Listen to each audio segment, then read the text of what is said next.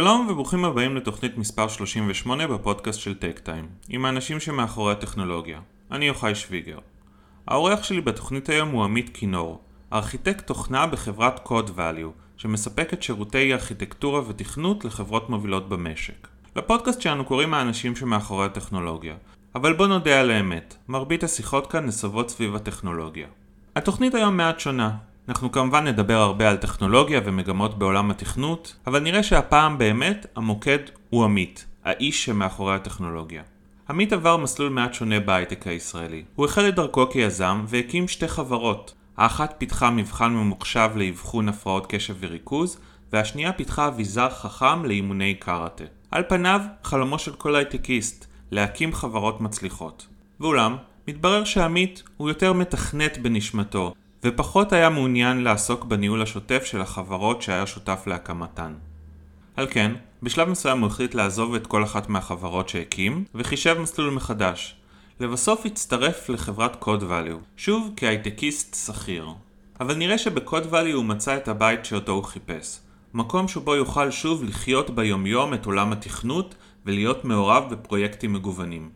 אז דיברתי עם עמית על הסיפור מאחורי החברות שהקים, על הפרויקטים שבהם הוא מעורב בקוד value, ועל התשוקה שלדעתו כל מתכנת חייב שתבער בו כדי להיות מתכנת טוב. שתהיה האזנה נעימה. שלום עמית, ותודה רבה שהסכמת להשתתף בפודקאסט שלנו. אתה ארכיטקט תוכנה ומנהל צוות React בחברת Code Value, אה, חברה שמספקת שירותי תוכנה, אנחנו עוד מעט קצת נדבר עליה ועל המומחיות שלה והפרויקטים שלה, אה, וככה הזמנתי אותך להתארח בפודקאסט, ככה נעשה לך קצת חיים שכאלה. היית שותף בהקמה של שתי חברות, והיום אתה עובד ב-Code Value, אז בואו קודם כל קצת תתחיל אה, ככה להציג את עצמך בראשי פרקים, ואז נתחיל ככה לדבר על מה שהספקת לעשות, ואולי מה שאתה עוד אה, רוצה לעשות. אני עוד לא בחצי דרך בעצם. כן. אם, אם משקללים עד הפנסיה. אני לא... כן. כן, טפו טפו טפו, מה שנקרא. טפו טפו טפו, כן. הכי נוח לי האמת מבחינה כרונולוגית ככה לגלגל. אז בעצם אני למדתי uh, בתחילת שנות האלפיים את התואר ביואינפורמטיקה, שמשלב בין uh, מדעי המחשב, מתמטיקה, ביולוגיה, פיזיקה, כימיה. אני אוהב דברים רוחביים.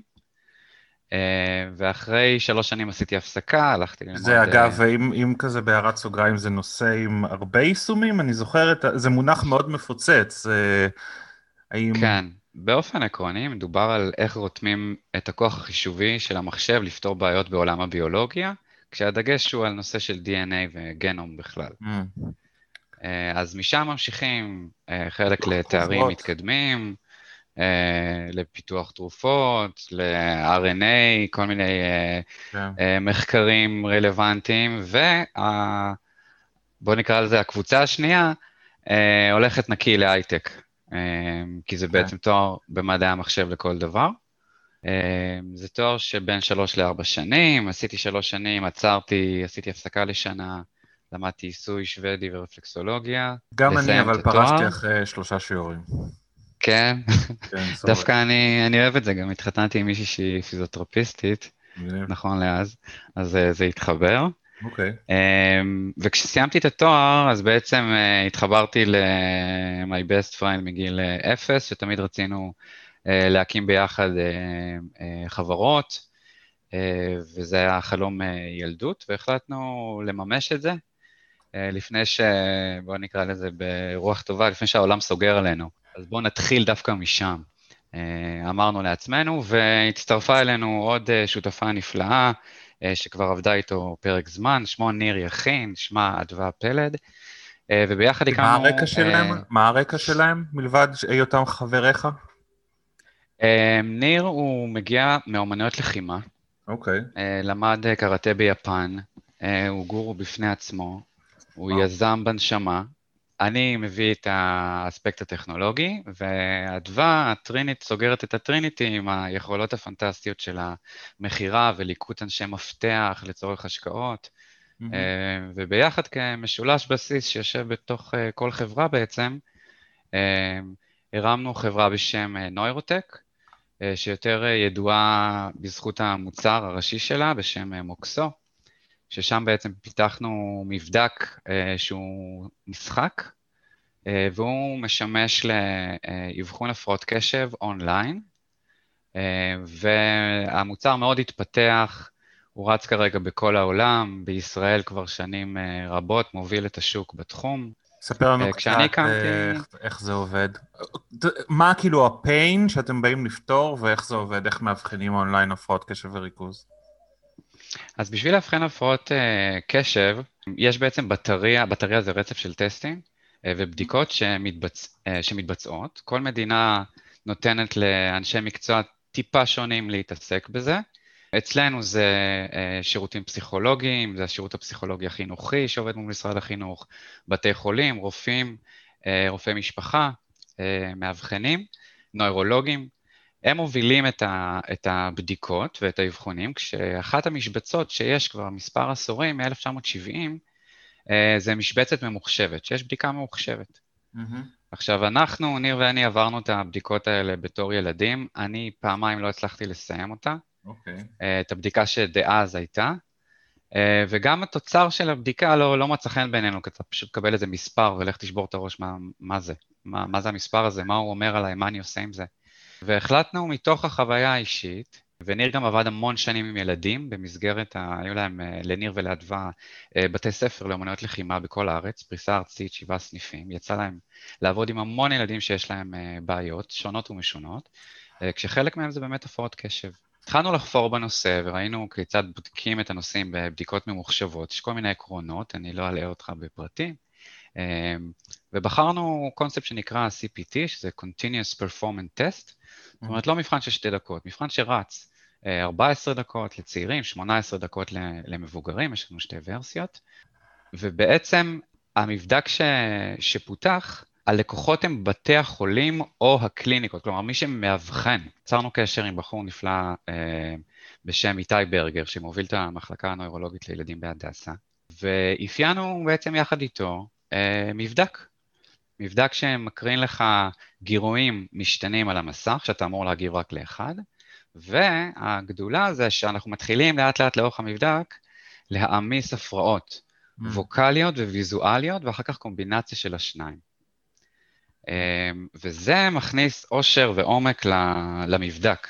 אתה יכול לראות איך התנהלת בכל אחת מההפגזות של ההפרעות. יש אנשים שדווקא בשלבים שיש בהם הכי הרבה הפרעות,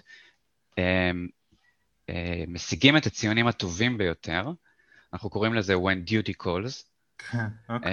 אמ, והאנשים האלה, דווקא כשיש ככה פחות גירויים, פחות הפרעות, אז הם ככה יותר לא, לא, לא מעניין אותם יותר מדי, כן. אה, אז הם לא נכנסים לזה. וזיהינו כל מיני תופעות מעניינות של אה, אימפולסיביות, אה, אימפולסיביות חדשות שלא מופיעות עדיין בספרות, ואנחנו, כל המבדק הזה נתמך על ידי מחקר multi-center study שמנוהל על ידי איתי ברגר, של בית חולים הדסה ואוניברסיטת ניימכן בהולנד, של בעצם שני המיקומים הראשונים שהתחלנו מהם.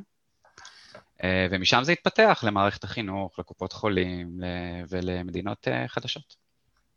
מעניין, וזה, וזה נותן clear cut? זהו, זה נותן, יפה, זו שאלה פנטסטית. אנחנו פילחנו את נושא ה-ADHD למספר תחומים, כשבכל תחום יש השוואה בהתאם אה, לנורמה שאתה שייך אליה, לקבוצת הנורמה, כשהמבדק המתחרה בעצם מכיל רק נורמות של סוג נקרא לזה בעדינות, סוג אחד של אנשים אה, ממחוז אחד בארצות הברית, אה, ואצלנו הנורמות הרבה יותר חזקות ומגוונות, ואז אתה יכול לקבל פר תחום את המיקום היחסי שלך, mm. יחסית לקבוצת הגיל והמגדר ועוד כל מיני חיתוכים, ובנוסף לזה, יש רכיב שלם של כיצד תפקדת אתה בהשוואה לעצמך כשהתחילו להופיע ההפרעות. ואז אתה יכול לראות איך זה נורא יפה, כי בעצם אפשר, אפרופו clear cut, אם אני היום רואה בעצם תוצאה של מישהו, אני יכול לתת לא מעט insightים על הבן אדם ב double blind, כלומר, בלי בכלל לראות אותו. מעניין. וזה אחת ההצלחות הגדולות. אז, אז אתה אומר שזה בניגוד למבחן שאתה והחבר שלך עשיתם, שבעצם... אמ, לא עזר לכם להבין כלום על עצמכם והיה קצת אה, לא. סתום, אז זה פה, אה, אתה מקבל גם סוג של פידבק על עצמך, אתה יכול סוג של אתה כזה, יכול עוזר לך להמיר לעשות את זה. אינטרוספקציה כזאת ל... היי, רגע, אני-. באמת אני כזה. בדיוק, זה אחד. הדבר השני, זה שזה ממש עוזר לאנשי המקצוע לבנות את, תוכ... את התוכנית של כיצד לגשת להתנהל אל מול הבעיות, אה, אוקיי. אוקיי? וזה גם יכול אה, למנוע אה, שימוש מוקדם מדי בתרופות, אוקיי. שזה עוד אחת מה, אה, מהמטרות. אה, כי ברגע שאתה רואה שהכל תקין מבחינת המדדים, אבל כשיש פתאום המון הפרעות, אתה מתרסק, אז עזוב את התרופות, בוא, בוא תעבור לשורה הראשונה בכיתה, כשאתה לא רואה את כל החברים שלך, אלא רק את הלוח, וכבר זה יכול לעשות שינוי. כן. בוא תיתן דגש על העבודה הרגשית. אה, אז באמת אפשר לראות פריזמה של בן אדם אה, על אה, שלל של אספקטים, ואני מאוד גאה בזה. ומה מה קרה עם המבחן הזה מאז? הוא משמש במחקרים קליניים, באבחונים? גם, בטח. הוא בעולם, הוא בארץ? כן. הוא גם, גם משתמשים בו במחקרים קליניים, uh, בכל מיני אספקטים יש משהו שנקרא uh, קומורבידיות, שזה שילוב של מחלות או הפרעות. אה, אוקיי. Uh, אז יש לא מעט מחקרים שנעזרים במוקסו כדי לראות, uh, למשל, אנשים שהם על הספקטרום, PDD, לראות איך, איך יש קורלציה, האם וכיצד יש קורלציה בין ההפרעה הזו להפרעה הזו. Um, כל מיני, בעיקר קומורבידיות, זאת אומרת, מציאת קשר בין קיום הפרעות קשב לבין תופעות נוספות. Uh, זה באספקט המחקרי. באספקט השוטף, uh, מתבצעים אה, הרבה מאוד מבחנים כל יום בארץ ובעולם. והוא גם זמין אה, לציבור, נגיד באינטרנט, או שזה... לא, לא, זה, הרעיון פה היה באמת לא לקחת, חלילה, זה משהו שאנחנו מאוד מאמינים בו, אה, לא לקחת את המשבצת של אנשי המקצוע, מהמם. אלא to empower them, לתת להם עוד כלי שיעזור להם להבין יותר טוב מי עומד אה, לפניהם. אוקיי. זה בשיתוף פעולה מלא עם אנשי מקצוע תוך העצמתם. הם עושים אצלנו קורסים שמלמדים על המבחן, מלמדים מה, איזה אינסייטים אפשר להבין מכל מיני טסט קייסים מעניינים. על בסיס, ה- נקרא לזה, מוצ... הפיתוח, היישום, המוצר הזה, קמה חברה, או שזה יישום לרווחת הכלל? כלומר, לא, יש פה חברה מסחרית עם אה, קליימים מסחריים, עם IP מוגן בפטנטים, יש לנו אה, פטנטים ביפן ובסין. אה, חברה עם סטארט-אפ קלאסי, זאת אומרת עם המינוף הראשוני, ניצול חזק שלו בשביל לפתח מהר וחזק ולהתפרסם מהר מתי וחזק. קמה? 2008. וואה, אוקיי. כן, זאת אומרת כבר 13 שנה going on strong. ו- ועד מתי היית חלק מהחברה ובאיזה תפקיד, מלבד פאונדר? אה, עד 2014, אה, התפקיד שלי היה VP R&D, אה, וגם בשלבים הראשונים אני פיתחתי את המבדק ואת האלגוריתם מאחוריו, שעליו יש לנו את הפטנט. אוקיי. אה, אה, hands on, חזק, רטוב, עם כל הבוטס, בלי שידעתי לפתח כלום עדיין. אוקיי. זה אחד הדברים הקשים שהיו בהתחלה, כי באוניברסיטה אתה לא לומד לפתח. האוניברסיטה מכשירה חוקרים. אוקיי. מעניין. ומפרסמת מאמרים. ובעצם כש... כשהוא בא אליי ואמר לי, טוב, יאללה, בוא, בוא נפתח את זה, אז uh, הייתי צריך ללמוד איך מפתחים בעצם. אתה חושב זאת אומרת, שהאוניברסיטה לא צריכה להיות כזאת? אם כבר אתה מעלה את זה? אני חושב שזה מקצועי? נושא לפודקאסט אוקיי. אחר. אה, בגדול, בגדול, בגדול, תפקיד האוניברסיטה מכובד, היא דוחפת קדימה את המחקר, את הגילויים החדשים ואת ההסמכה של מה צריך כדי להיות חוקר טוב. המציאות לקחה את זה למצב שגם האוניברסיטה היא המקום שהולכים אליו כדי להגיד, הנה יש לי תואר, בואו תקבלו אותי להייטק. כן. כשאני העסקתי אנשים, לא עניין אותי אם יש להם תואר או אין להם תואר. אם היה להם תואר, אז דיברתי איתם על התואר ומה הם עשו בו ומה הם מרגישים שהם למדו, אבל אם לא היה להם תואר, עדיין שאלתי אותם, אוקיי, אז מה עשיתם, מה בניתם ומה למדתם? פשוט הם עשו מסלול אחר, וחלק גדול מטובי המתכנתים שאי פעם נתקלתי בהם, הם בכלל אוטודידקטים, נקי לא נגעו באקדמיה. אז זה מאוד uh, תלוי, ואני חושב שטיפה נמעך התפקיד של האוניברסיטה והוסט למקומות לא מוצלחים. אוקיי. כן. אז מה מה קרה ב-2014? 2014 זה בעצם שבע שנים אחרי שהתחלנו, כי החברה נפתחה ב-2008, אבל לפני זה כבר מסוף 2006 התחלנו לעבוד, קנינו מכולה מהסכומים שהחבר'ה עשו שם בבתי הספר לאומנויות לחימה, והתחלנו לפתח, התחלנו, אני פיתחתי, ניר עסק בגיוסי הכספים והמנכול ואדווה במכירות, ולהביא מגייסים, הם גייסו בעצם ביחד. אז אני בעצם ישבתי ופיתחתי, פיתחתי, פיתחתי, ב-2008 היא נפתחה. ב-2014 זה היה בעצם אחרי שבע שנים, החלטנו כל הפאונדרים ביחד לעבור לדבר הבא, כשהנושא היה על השולחן אה, במשך מספר שנים, והיה לנו יחסי, אה, יח, מערכת יחסים מצוינת עם כל המשקיעים, אה, ו, ולכן אמרנו, אנחנו מאמינים בשקיפות אה, מובהקת, אה, אז אמרנו להם ושיתפנו אותם ברצון, והגענו איתם למקום ולהסכמים שאנחנו מביאים אנשים אה, שיחליפו אותנו. Mm-hmm. מעבירים את השרביט בצורה מסודרת. כן, אז בסטארט-אפ השני, אה, אחרי שהרגשנו שאנחנו מבינים יותר טוב איך מנתחים קשב של בן אדם, עברנו לשוק אחר, לשוק של אמנויות לחימה, זה בעצם היה חזרה הביתה של השותף שלי, למקום שהוא מבין בו, אה, לעניות דעתי, מהטובים בעולם. אה, הבנה מאוד רחבה על העולם של אמנויות לחימה. Okay. אוקיי. ומה ש... שהוא זיהה בעצם, זה שישנו מוצר שנקרא paddle או חובטן, זה נראה כמו רקטת אה, פינג פונג כזאת עטופה בספוגים, שעובדים איתה בזוגות, אחד שולף, השני בועט. Mm-hmm. ומחזיקים את החובטן בכל מיני זוויות, הוא מאוד מאוד נייד, מאוד דינמי, אה, ומתאים בעצם לכל אמנות לחימה שכוללת חבטות, שזה הרוב המוחץ חוץ מג'ודו mm-hmm. או היאבקות, למרות שגם שם יש הרבה מה לעשות, והוכחנו את זה, אני גם אסביר עוד מעט איך, עם ירדן ג'רבי, זה הטיזר. Mm-hmm. ובעצם לקחנו את המוצר הזה שנמצא בכל המועדונים בכמויות אדירות, והפכנו אותו לחכם. אה, ייצרנו משהו שנראה שתי טיפות מים דומה, אבל עם מסך קטן ועם מוח חזק בפנים ומערכת של סיגנלים שמסמנת למשתמש שמולך מה לעשות. כשלמשתמשים יש צמידים. ולפני, כשאחד האתגרים בעצם היה איך לעשות כזה מכשיר בלי לפגוע בקצב של האימון. Mm-hmm. כי זה קצב מאוד מהיר, מאוד דינמי.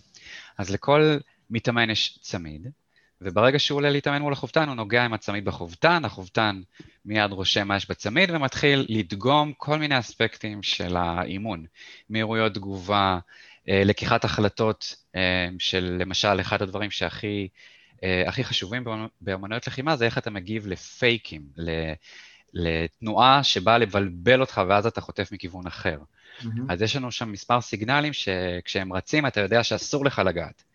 אה, וזה גם בעצם סוג של מימוש של מה שעשינו בסטארט-אפ הראשון, כשהתעסקנו בגירויים אה, שאסור לך להגיב להם. כן.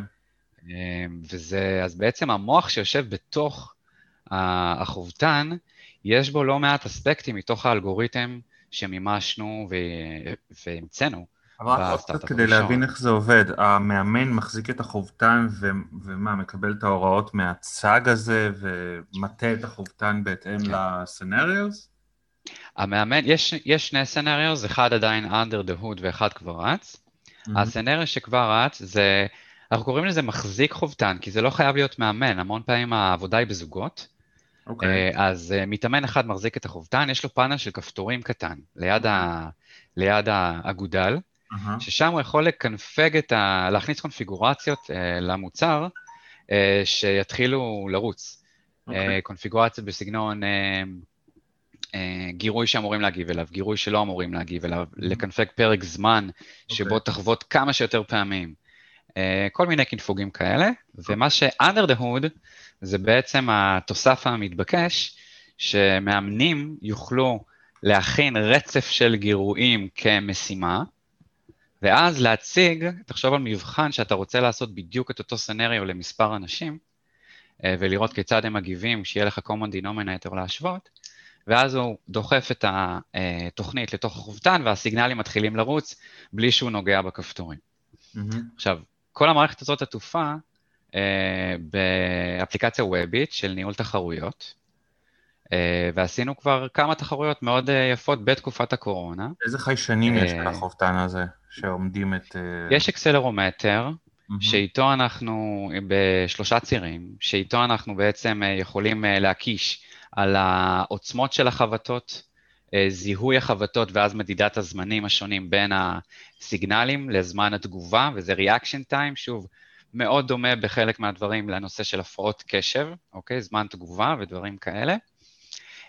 יש שם המון המון מחשבה על בולמי זעזועים, ויש שם חיישן גובה, שמבוסס על טכנולוגיית אולטרסאונד, שזורק קרן לרצפה ומחשב תוך כמה זמן לקח לה אה, לחזור לקולט, לרסיבר, ולפי זה גוזר את הגובה, ואז אתה גם מקבל כל הזמן בדיוק איזה גובה, ואתה גם יכול, זה גם under the hood עדיין, באינטרפולציה של שלושת הצירים, להבין את כיוון הבעיטה, שזה גם אספקט אה, משמעותי לחלק מהאמנויות. והטכנולוגיה שלכם, אתה חושב שיש לה אפליקציות מעבר לאמנויות לחימה? קודם כל, שוק עולם אמנויות הלחימה הוא עצום, הוא גרנדיוזי, כן. אוקיי. אמ, הוא פשוט לא מקבל קאבר כמו הביג 3, הכדורסל, כדורגל וטניס.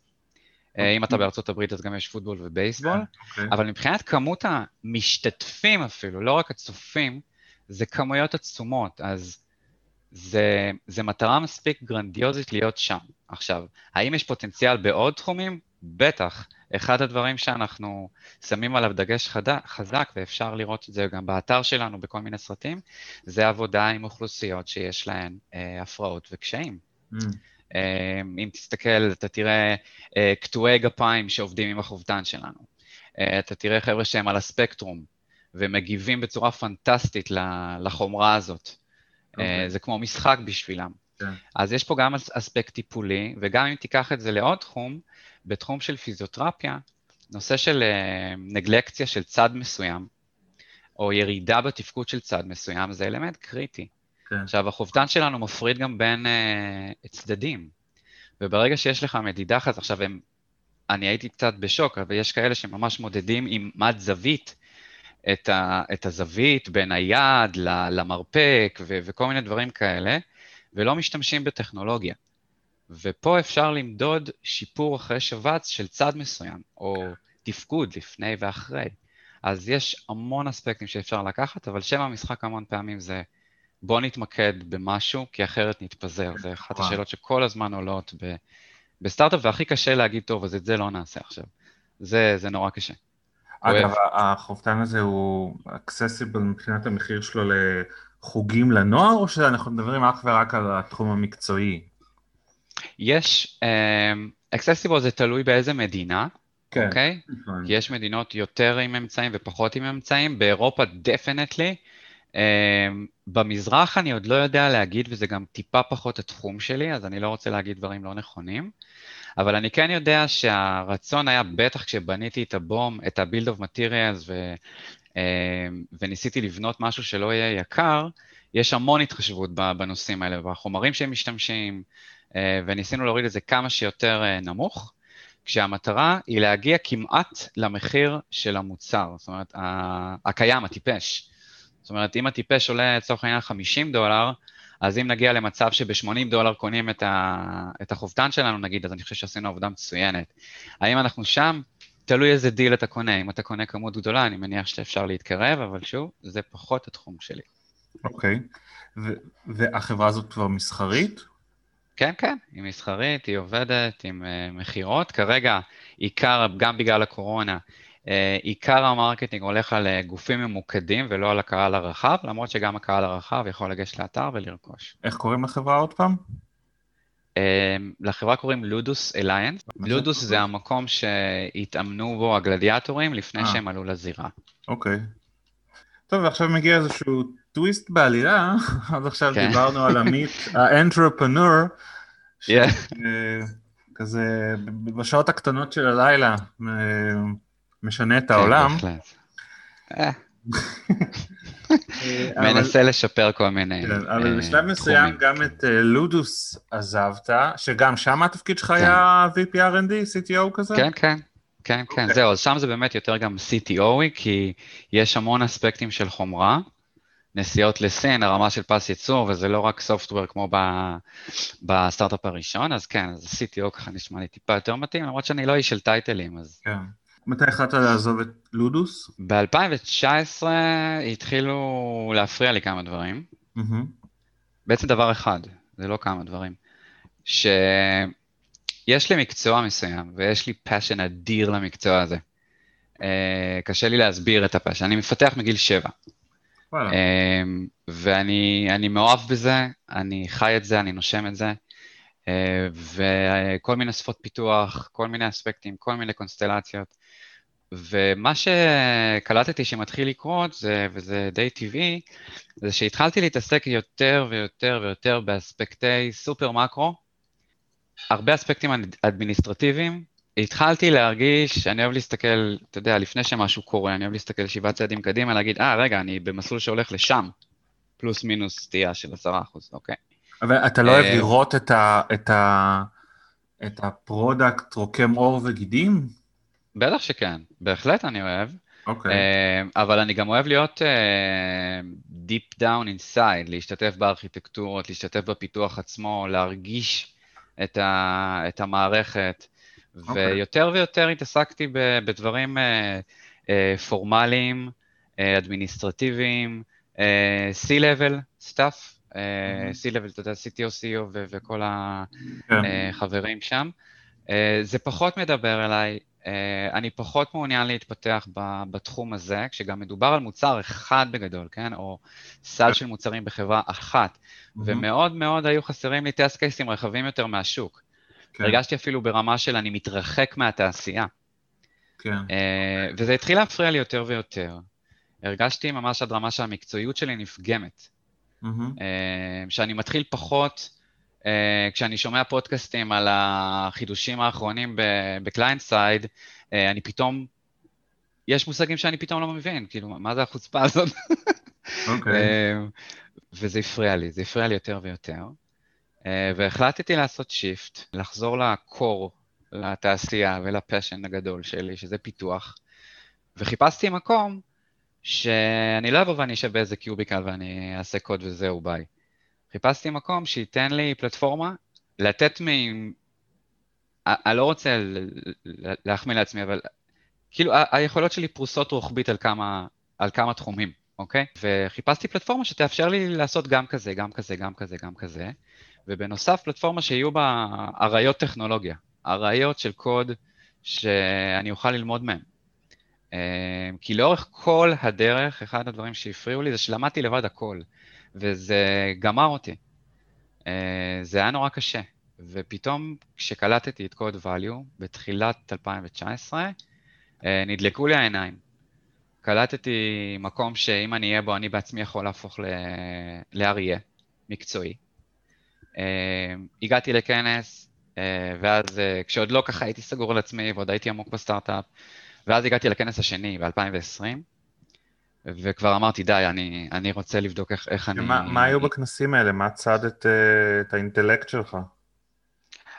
קודם כל, המגוון של הטכנולוגיות שהם עוסקים, הרמה הפסיכית של האנשים שמעבירים את ההרצאות, התחושות והווייבים שעברו דרך הזום, דרך המסך, שכמעט כל, לא כמעט, כל בן אדם שעלה משם, ראית בעיניים את הברק.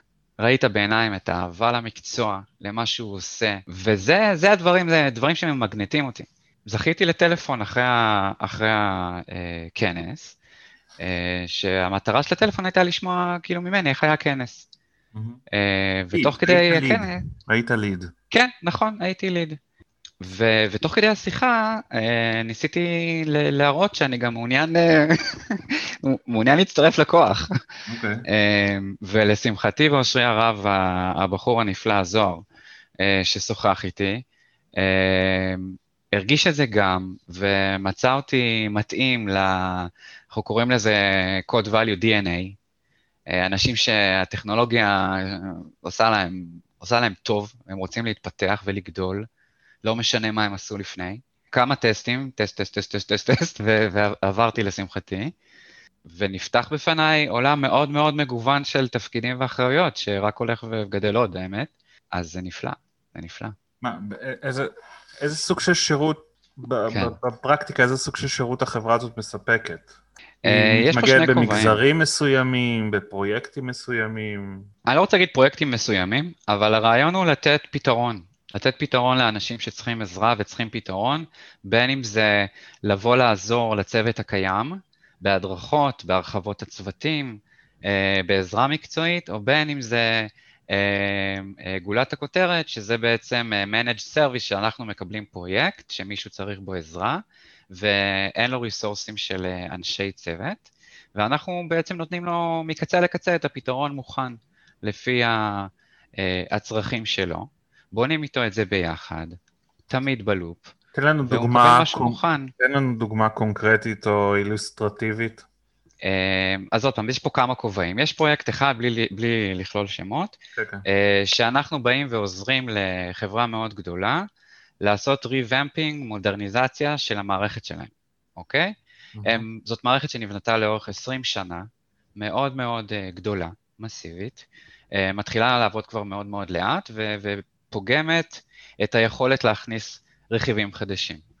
אז באספקט הזה באנו ואנחנו עוזרים. איך אנחנו עוזרים? יש ארכיטקט, מיכאל שמו, מיכאל דונחין, שהוא uh, אחראי על הארכיטקטורה של ה-Backend side, אני אחראי על הארכיטקטורה של ה front, כל אפליקציית ווב בנויה ממאחורי הקלעים ומלפני הקלעים, אם אתה רוצה כמה מילים אז בשמחה.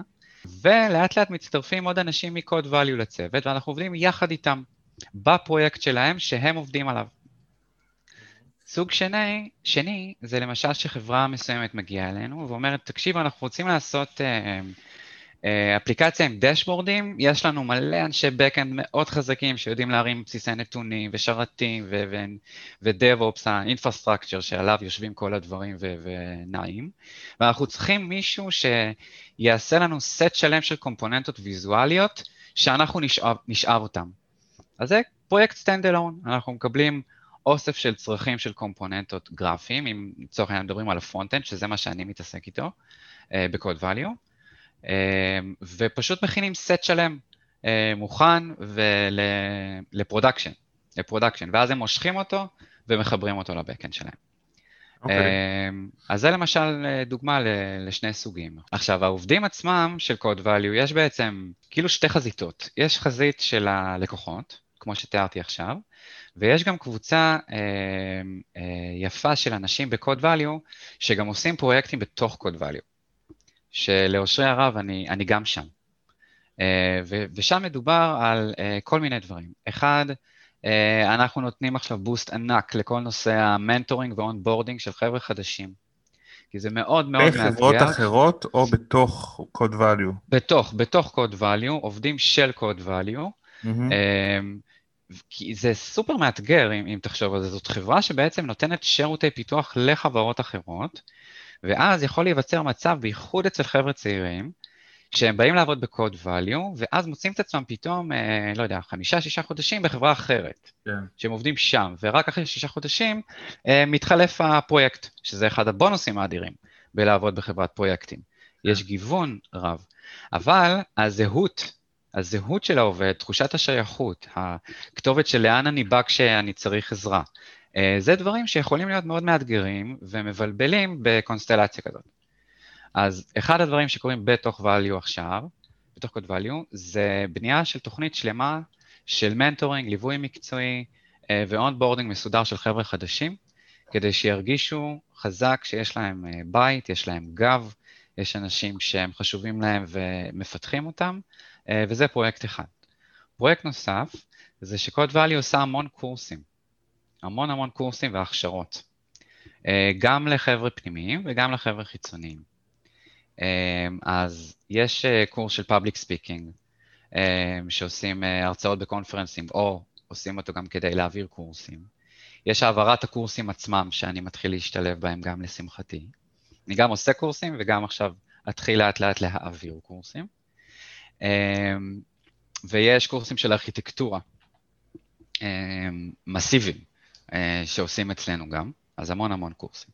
אז יש מנטורה ויש קורסים, אה, פיתוח, אה, ועכשיו יש עוד דבר אחד שזה נפלא, לעניות דעתי זה נפלא, אמ, שיש שיתוף מאוד מאוד יפה של כל שכבות הניהול עם אה, קבוצה לא קטנה של אנשים לגבי ההגדרה המשותפת של לאן החברה הולכת.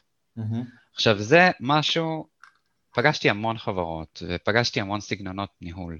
זה משהו שאני מאמין בו בלב שלם, ומובילה את זה המנכ"לית הנפלאה שלנו, טלי שם טוב. אמ, שותפות ב, בלאן לדעתכם החברה צריכה ללכת, ובריינסטורמים על מי הוא לקוח שכדאי להשקיע בו יותר, לקוח שכדאי להשקיע בו פחות, איזה תקלות ו- וצרכים אנחנו פוגשים ביום-יום שכדאי לתת להם מענה ואולי אפילו תקציב, ועצם קיום השיחות האלה גורם לתחושה של חלק, גם אם אתה לא זה שמקבל את ההחלטה בסוף, אלא השפיצים שמנהלים. וזה בסדר, עצם השיתוף, כן. עצם ה brainstorm המכבד, אה, מדהים, מדהים ולא טריוויאלי. אני מאוד נהנה מזה. אני קצת רואה ברשימת uh, customers שלכם באתר, חברות כמו אינטל ודל וסלברייט ו... מייקרוסופט, כן. ואני נכון. אשאל את זה בצורה פרובוקטיבית, למה חברות כאלה, חברות אולטרה טכנולוגיות זקוקות לשירותים מכם? יש להם אה, הכל in-house, לא?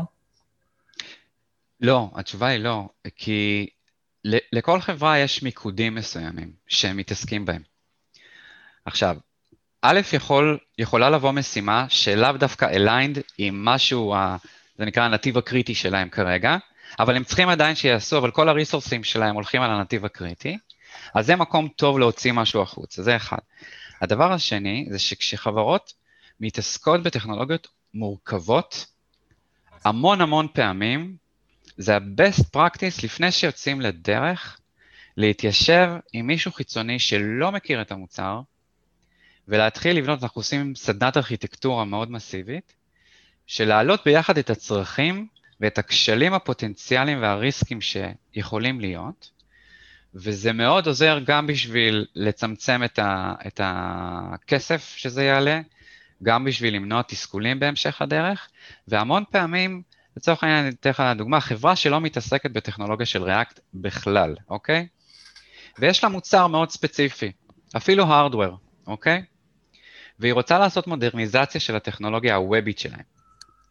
אז ה-bread and butter שלהם הוא לא הפיתוח הוובי היום הכי נפוץ, שהוא לצורך העניין React, אני מקווה שאף אחד לא יהרוג אותי על המשפט הזה, אמ, אלא יש להם את הדברים שהם יודעים לעשות, הכי טוב, יותר טוב מכולם, אז כדאי שבזה הם יתעסקו. ואז אנחנו באים ועוזרים במודרניזציה של המערכות, ותוך כדי זה, אה, כשהם רואים שיש לנו באמת ידע רחב וניסיון רחב בניהול של דברים כאלה, אה, אנחנו מוצאים את עצמנו לא מעט פעמים גם אה, משתלבים לפיתוחי הליבה שלהם, אחרי שעשינו רושם חיובי בפרויקטים ראשוניים יותר. אם קצת דיברת על, כשדיברת על המעבר שלך מהחברות שהיית שותף להקמתן ל-Code Value, אז דיברת על זה שאתה פתאום שוב מעורב בפרויקטים של פיתוח וכולי, אבל כן. כשאתה מתכנת שכיר, אני לא מתכוון ב-Code Value, אני מתכוון בחברות ש... כלומר שאתה קבלן משנה, זו המילה שחיפשתי, אתה לא מוצא את כן. עצמך כביצועיסט ותו לא, אתה מרגיש שאתה... זה, זה מערכת יחסים שמאפשרת לך לממש את, היציר, את היצירתיות שאתה כל כך מחפש? שאלה חזקה, זה מאוד מאוד תלוי בפרויקט, ובואו נשים את זה על השולחן, בצורך של הלקוח. אם הלקוח צריך מישהו שיהיה בוסטר קטלני לפיתוח עצמו, רסמית, בום בום הנדס און, ואני רואה שזה עוזר, אז הכל בסדר. אם אני אהיה יותר מדי זמן במקום שלא מאפשר לי להשתלב בשום דבר אחר, אני מניח שאני אעלה איזה דגל. אה, זה לא המצב, זה לא המצב. השם המשחק פה זה בדרך כלל soft skills. אה, כי, כי גם כשאתה מגיע למקום אה, שאתה, בוא נקרא רגע שוב בפרובוקטיביות, סיניור דב ותו לא, אה, אז אפשר לתרום דרך הניסיון, והצוות, אתה יודע, החברות מחפשים אנשים טובים, אנשים שיבואו ויתרמו. הציפייה ממפתחים היום זה לא רק לבוא לפתח, ללכת הביתה ביי. הציפייה זה להיות מעורב, לבקש להצטרף, להעלות רעיונות באופן אקטיבי. ודרך הדברים האלה, בהינתן לקוח שהוא פתוח לנושאים האלה, אז אפשר לעשות המון דברים יפים ביחד, גם אם אתה, שוב פרובוקטיבי, רק מפתח. עכשיו, מה, מה בא גם עוד לעזרה כאן? שיש לי כמה פרויקטים. אז בפרויקט אחד אני יושב חזק על הקוד ומשייף חזק, אני מקבל פה המון, אני משייף חזק את היכולות המקצועיות ההנדזוניות שלי. זה אספקט מאוד חשוב שמחייב אותך לעבור דרך הבוץ וללכלך את הידיים. אתה יכול לדבר על טכנולוגיה חדשה עד מחר, עד שלא תקים איתה פיזית משהו, לא תנהל את הפיתוח שלה, תקים איתה פיזית, אמ, אז אתה לא באמת יודע אותה, וזה אגב מה שאני עושה המון פעמים בערבים, לוקח את אחרי שעות העבודה. אה, אז השילוב של כל הדברים, זה לדעתי התשובה. אם כל היום הייתי עושה רק hands on, ולא הייתי שותף בשום דבר, אני מניח שזה היה יוצר בעיות uh, הפוכות לבעיות שהפריעו לי בהתחלה, uh, אבל השאיפה מהאנשים של code value הם, היא שהם לא היו מפתחים וזהו, אלא שהם יהיו מפתחים ויבואו ויתרמו מהם. אמ, אתה יודע, לכולנו יש, אני לא הייטקיסט, ולכולנו יש דימוי של מה זה הייטקיסט, ואני חושב שנוצר כבר דימוי מאז שנות התשעים על חייו של הייטקיסט, ו... אבל האמת היא שבשנים האחרונות, בעיקר עכשיו, אנחנו עוברים כל מיני תמורות, בעיקר הקטע הזה עם עבודה, מה, עבודה מהבית וכולי, שגם משנים, שהם מאוד משמעותיים, אני מניח, לסדר יומו של הייטקיסט. מאוד, אז, מאוד, מאוד. מה, מה אתה אוהב בלהיות הייטקיסט, מה אתה לא אוהב, וגם תיגע בקטע הזה של העבודה מהבית, כי לדעתי זה פותר הרבה... עשוי. מצד אחד פותר. מצד שני, uh, כל דבר זה trade-off, בייחוד הדברים הרציניים של החיים, וזה מכניס המון גם קשיים. אוקיי. Okay. Uh, קודם כל, תעשיית הפיתוח קוד היא כן בנויה uh, לעבודה מרחוק גם. אוקיי? זאת אומרת, יש המון פרויקטים שמפתחים יחד עם מפתחים מחו"ל, גם בסטארט-אפ. בסטארט-אפים שלי עבדתי עם צוותים מהודו, אה, בפרויקטים משותפים דו-ארציים של המדען הראשי שקיבלנו, ועבדתי עם צוות טורקי. אה, יש המון עבודה ברימוט, אוקיי? אז זה לא משהו שהוא חדש. המסה והעוצמה והתדירות היא החדש פה בסיפור. שהיו תקופות שלמות שכל הזמן עבדנו ברימוט. ופה לדעתי מתחיל להיות קושי מאוד אה, חזק, גם לאנשי הפיתוח עצמם וגם ל-team leads ול-VPs. אה, צריך לשים אקסטרה טיים, אקסטרה ריסורס על התקשורת, על לשאול את האנשים מה שלומם, על לדבר איתם, המון דברים שקורים בשיחות מסדרון או בזה שאפילו אוכלים ביחד ומספרים קצת קשה לי כאן, קשה לי בזה, איך אני עושה ככה, מה שלומך, להסתכל בעיניים, זה, זה מכניס אה, ניכור שיכול אה, לבוא לידי ביטוי כ, כדברים שליליים ולצאת כברסטס כאלה שליליים, ומאוד צריך להקפיד על זה. בנוסף, תחושת השייכות, לדעתי אנחנו נראה, אה, כבר עכשיו התעשייה מאופיינת בתנועה מאוד רחבה רוחבית בין חברות, עוד לפני הקורונה. לדעתי עכשיו התופעה תגבר, כי אנשים מרגישים פחות שייכות והזדהות לחברות שהם כן עובדים בהן. וזה כן. יותר מאתגר. אה, וגם, אתה יודע, הקושי שאני, אתה יודע, יש לי פה ילדים, שלושה ילדים, טפו טפו אה, אנרגטי מאוד, אה, הפרעות קשב מפה ועד, וזה לא קל, לא קל. אז הייתי צריך לבנות קיר בתוך הבית כדי לא לשמוע אותם כשאני עובד. וזה מה שעשיתי. עכשיו, באופן עקרוני, יתרונות וחסרונות, אני אגיד כזה דבר, אם מישהו אגב, אני מדבר רק בלשון זכר, אבל כמובן גם אה, בלשון כן. נקבה, מישהו, מישהי צריכים, רוצים לעבוד בפיתוח, כדאי מאוד שהם יאהבו את זה. או שיהיה להם איזשהו, איזושהי אפיניות, איזושהי זיקה לתחום, אם הם עדיין לא מכירים אותו. יתנסו אה, טיפה ויראו, כי העבודה הזאת דורשת אה, לימוד מתמיד. זה קשה להבין את זה עד שאתה לא נמצא שם. אני מדבר איתך על מעבר לשעות העבודה. מי שלא יעשה את הדברים האלה, יישאר מאחור ומאוד מהר. קצב השינוי בפנים של השפות, בתוך השפות, הוא משהו שרק בן אדם שנמצא בתוך העולם הזה יכול להבין. Mm-hmm. Uh, מהיר, מהיר, מהיר מאוד.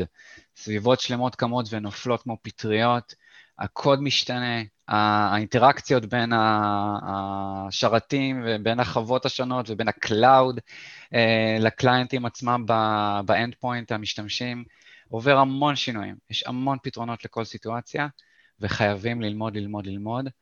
אה, זה אחד. שתיים, אתה המון פעמים אה, מוצא את עצמך במקום שאתה אומר, וואי, אין לי, אין, לי, אין לי מושג איך פותרים את זה. אין לי מושג, זאת אומרת, כן. ואז אתה צריך להתחיל לחפור חזק uh, to hit the books. Uh, נדבר עכשיו תוך כדי היום עבודה, כדי להגיע לפתרונות, אוקיי? אני לא מדבר על uh, copy-paste מ-stack overflow, שזה איזשהו אורקל אדיר של מידע uh, רלוונטי. אני מדבר על זה שאתה צריך ממש לשבת, לחשוב, להפעיל את כל תאי המוח ה-available, ואם אין, אז לייצר כאלה. אה, וזה יכול להוביל לתסכול מאוד גבוה. מאוד גבוה. לעבוד משהו שלושה ימים, שהוא איזה עשר שורות והמערכת לא עובדת וה production שבור, כן. תשמע, מאוד stressful, מאוד מאתגר, אה, ו- ומומלץ בחום לאהוב את המקצוע, אחרת תעבדו במשהו אחר. וואלה, אוקיי, טוב, נשמע. כן, כן, זה לא מקצוע קל. כן, אוקיי. יש מין, אתה יודע, יש מין כזה תפיסה כזאת, הייטקיסטים וזה, ומלא אוכל במטבח, ומלא פה, עזוב. העבודה, בסופו של דבר, כשאתה עובד ומנסה לפתח, ליצור מאפס משהו, זה לא קל. זה לא קל. כן. טוב, עמית, תודה רבה על השיחה המעניינת הזאת, ככה סיפקת לנו הצצה גם לחייך, גם לעולם התכנות, גם ל-code value. אני מאחל לך המון בהצלחה. תודה רבה על ההזמנה. תודה רבה. תודה רבה על ההאזנה, אני מקווה שנהניתם. אתם מוזמנים להמשיך ולעקוב אחר הכתבות באתר שלנו, techtime.co.il, להירשם לניוזלטר ולהקשיב לפרק הבא בפודקאסט.